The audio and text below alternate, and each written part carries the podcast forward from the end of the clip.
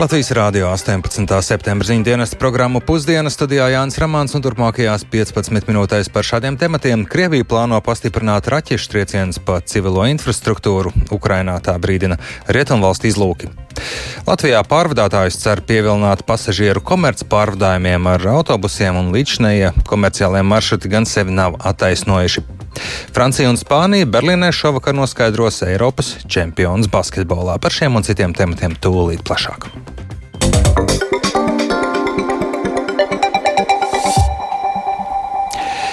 Krievija aizdītajā naktī apšaudījusi Ukrainas pilsētas, bet Rietumvalstu izlūka brīdina, ka Krievija varētu pastiprināt raķešu triecienus pa civilo infrastruktūru Ukrainā.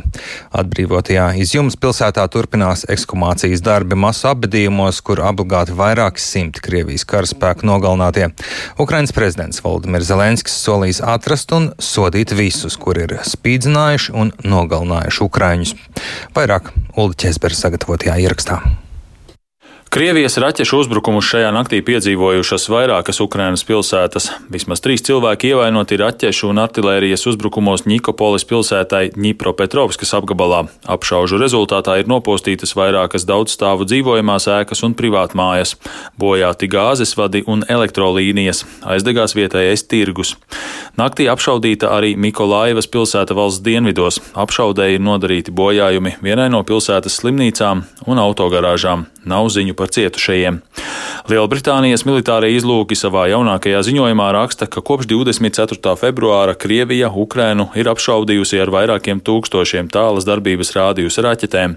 Pēdējās septiņās dienās Krievija ir pastiprinājusi uzbrukumus Ukrainas civilajiem objektiem, kuriem nav nekāda militārā nozīme, piemēram, hidroelektrostācijas aizsprostam Inhulecas upē pie Krivī-Rihas. Britu izlūki norāda, ka Krievija, saskaroties ar nopietnām problēmām frontē, visticamāk paplašinās uzbrukumus civilajai infrastruktūrai, lai mēģinātu iedragāt Ukrainas iedzīvotāju un valdības morālo stāvokli. Ukrainas varas iestādes turpina darbu šonadēļ atklātajā masu apbedījumā mežā netālu no Izjumas pilsētas Harkivas apgabalā. Tiesu medicīnas eksperti līdz šim ir ekshumējuši vismaz 59 cilvēku mirstīgās atliekas. To vidū esot 42 civiliedzīvotāju un 17 ukrāņu karavīru mirstīgās atliekas. Eksperti pēc sākotnējās apskates ir secinājuši, ka vairumam mirušo ir vardarbīgas nāves pazīmes. Tiek lēsts, ka kopumā šajos masu kapos ir apglabātas vairāk nekā 150 cilvēku mirstīgās atliekas. Arī žurnālists Dmitrijs Sļivnīs, kurš apmeklēja šos masu apbedījumus, stāsta, ka vairākiem līķiem bija acīm redzamas spīdzināšanas pazīmes. Tur ir mālaina augsne, tāpēc vairāki līķi arī pēc pusgada ir labi saglabājušies. Tādēļ var labi redzēt, ka cilvēkiem ir spīdzināšanas pēdas. Piemēram, cilvēki ar sasietām rokām, cilvēki ar sašautām galvām. Tas pat man kā cilvēkam, kurš nav mediķis vai eksperts, bija skaidrs. Ukrainas prezidents Volodimirs Zelenskis paziņojis, ka ne tikai izjumā, bet arī citās atbrīvotajās vietās Harkivas apgabalā ir atrasti okupācijas spēku izveidoti cietumi kuros mocīja vietējos iedzīvotājus. Kad okupanti bēga, viņi atstāja savas spīdzināšanas ierīces. Pat kādā dzelzceļa stacijā atrada telpu, ko izmantoja spīdzināšanai, tur uzgāja instrumentu spīdzināšanai ar elektrisko strāvu.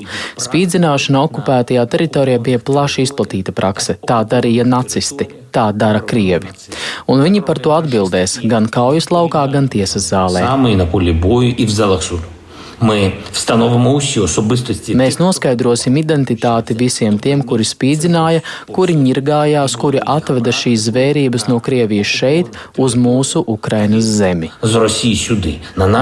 ukraiņu zemi. Intervijā ziņu aģentūrai Reuters Zelenskis sacīja, ka pašlaik esot pāragri runāt par kara beigām. Tas, cik ilgi karš turpināsies, būšot atkarīgs no rietumvalstu ieroču piegādēm Ukrainai, norādījis prezidents.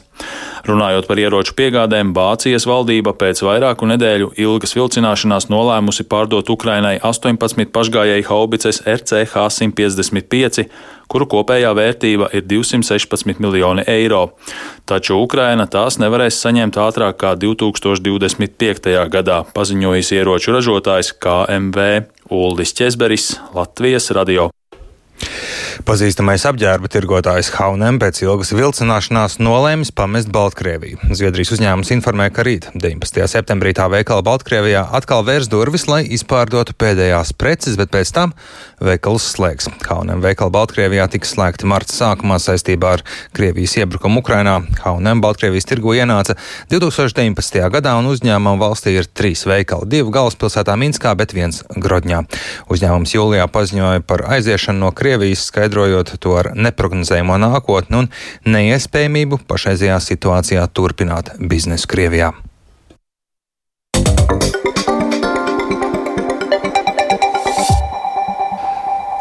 Latvijā jau drīzumā paredzēts radīt priekšnoteikumus, lai pārvadājumos ar autobusiem vairāk maršrutu nodotu brīvajā tirgū, nevis par valsts dotācijām. Līdz šim šī sistēma sevi nav attaisnojusi un devusi salīdzinoši mazi ieguvumu pasažieriem, jo realizēta tikai divos maršrutos, un vairāk par to Jāņa Kīņš sagatavotajā ierakstā.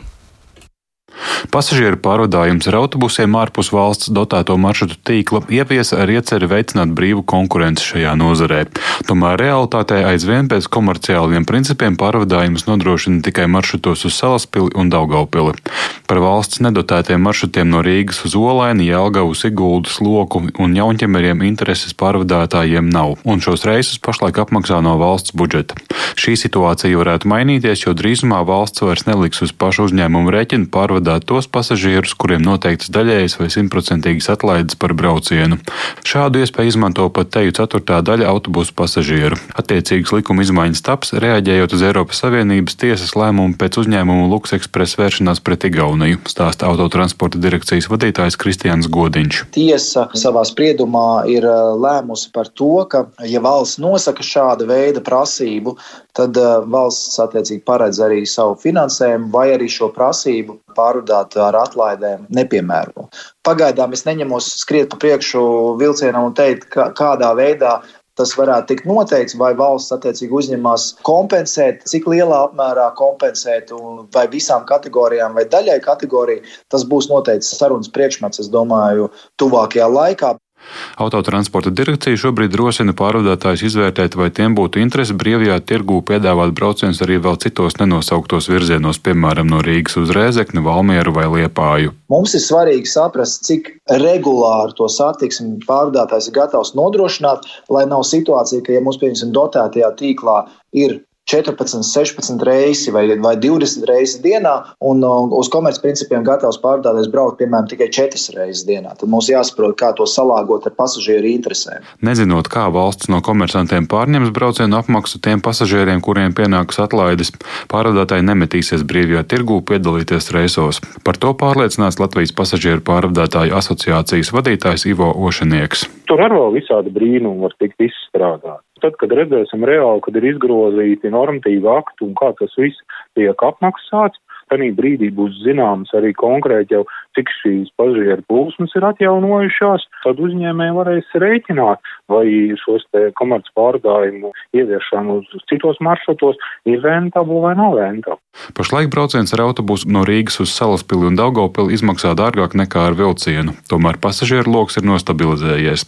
Uzņēmuma galvas buses viedokli par to, kā sokas pārvadājumu uz Salaspili Latvijas radio iegūt neizdevās.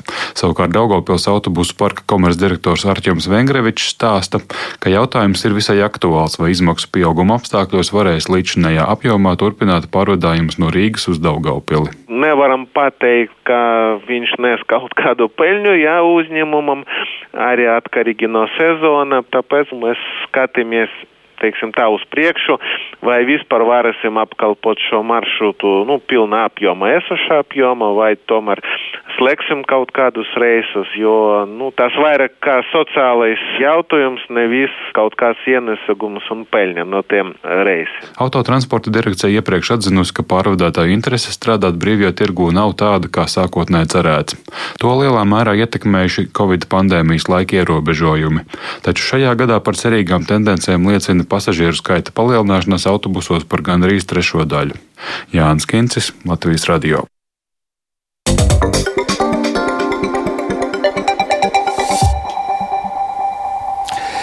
Berlīnē šovakar noskaidros Eiropas čempions basketbolā par titulu cīnoties grozu bumbas lielvalstīm Francijai un Spānijai. Savukārt Latvijā šodien sacensības gan futbolā, gan motorsportā un par visu plašāk tūlīt izstāstīs kolēģis Mārtiņš Kļavinieks, kurš pievienojies programmai pusdienas. Sveiks, Mārtiņ!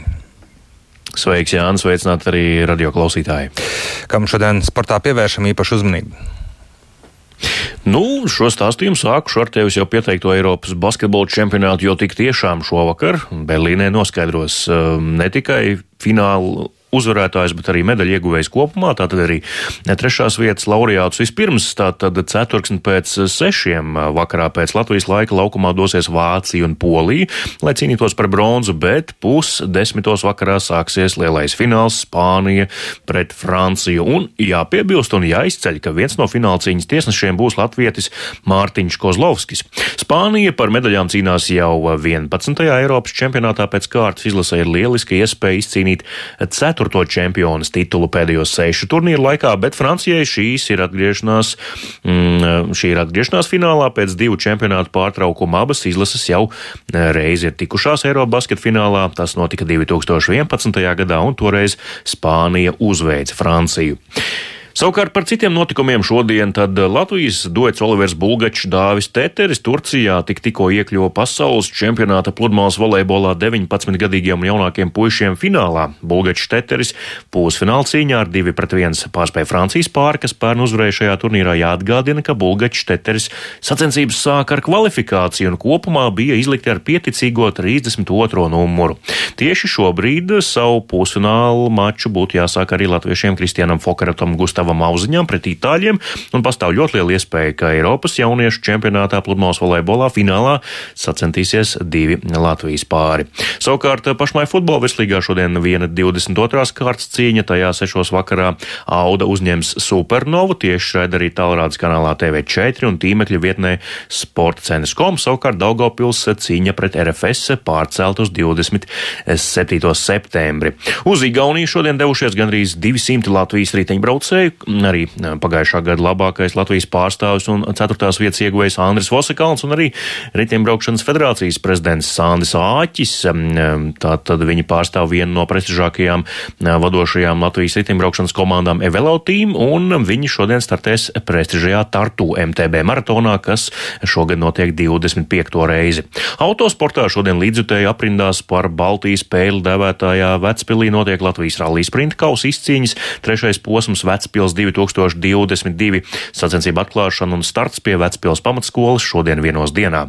Savukārt noslēgumā vēl arī pastāstīšu par kādu vakardienas notikumu, ļoti spilgtu Latvijas vīru basketbola izlases ilgadējā kapteiņa Jāņa Blūma karjeras noslēdzošajā spēlē vakar saldū uzvarēja viņa pārstāvētā komanda Blūma vienība, kuras sastāvā bija vairāki atpazīstami bijušie basketbolisti ar 102,96 uzveicis saldus komandu. Pats Blūms nospēlēja visu maču bez maiņām un guva 35 piecus punktus, nu un viņš arī Latvijas radio pastāstīja par saviem tuvākajiem nākotnes plāniem. Klausāmies Jāni Blūmu. Tagad es vienkārši mēģināšu celdumu, cik varu palīdzēt no savām pozīcijām. Nometnes jau uztaisīju vasarā, un klubam palīdzu. Un Plus man galvenais darbs ir VFā, bet es arī, nu, arī citiem Latvijas klubiem kaut kādiem padomiem. Tā, tā kā es mēģināšu basketbolam arī izlasē, varbūt kaut, kāds, kaut ko vajadzēs kādreiz. Un pieredzi neslēpšu, bet uh, nodošu tālāk. Kur ir viena spēle no karjeras, ko tu labprāt nospēlētu vēlreiz? Kur bija tik laba, tik labas emocijas sajūtas, ka tu labprāt vēlreiz to nospēlētu? Tā varētu būt uh, noteikti Latvijas izlasē Francija. pret Franciju vai arēnā pret Lietuvu, uh, kad mēs uzvarējām, vai arī Spānijas pusfināls pret Madrids Reāli, Bilbao 12,000 klātbūtnē. Daudz spēles, fantastisks, vai arī Panaikos Olimpijākos 22,000 klātbūtnē uzvar pēdējā sekundžu metienus. Fantastiski, jā. Daudz spēles, labas emocijas. Jā. Jā, tālāk bijušais Latvijas vīri izlases kapteinis Jānis Blūms. Viņš noslēdz savu profesionāļu karjeru, bet es līdz ar to arī noslēdzu savu stāstījumu par sportu šajā eh, pusdienas programmā. Paldies Mārķim Kļavniekam, un līdz ar to arī ir izskanējis raidījums pusdiena. Par svarīgāko Krieviju plāno pastiprināt raķešu triecienus pret civilo infrastruktūru. Ukrainā par to brīdina rietumvalstu izlūki. Francija un Spānija Berlīnai šovakar noskaidros Eiropas čempionus basketbolā. Programmas producents Viktors Pupiks ieraksts Matērināšs Teimans, piesudījis pults Mārtiņš Paeglis, studijā Jānis Ramāns. Mūsu ziņām varat sekot līdzi arī Latvijas Radio 1 Facebook lapā, sabiedrisko mediju ziņu portālā LSM, LV, kā arī šīs pārējas atkārtojumu var atrast raidierakstu platformās kā dienas ziņas. Yeah.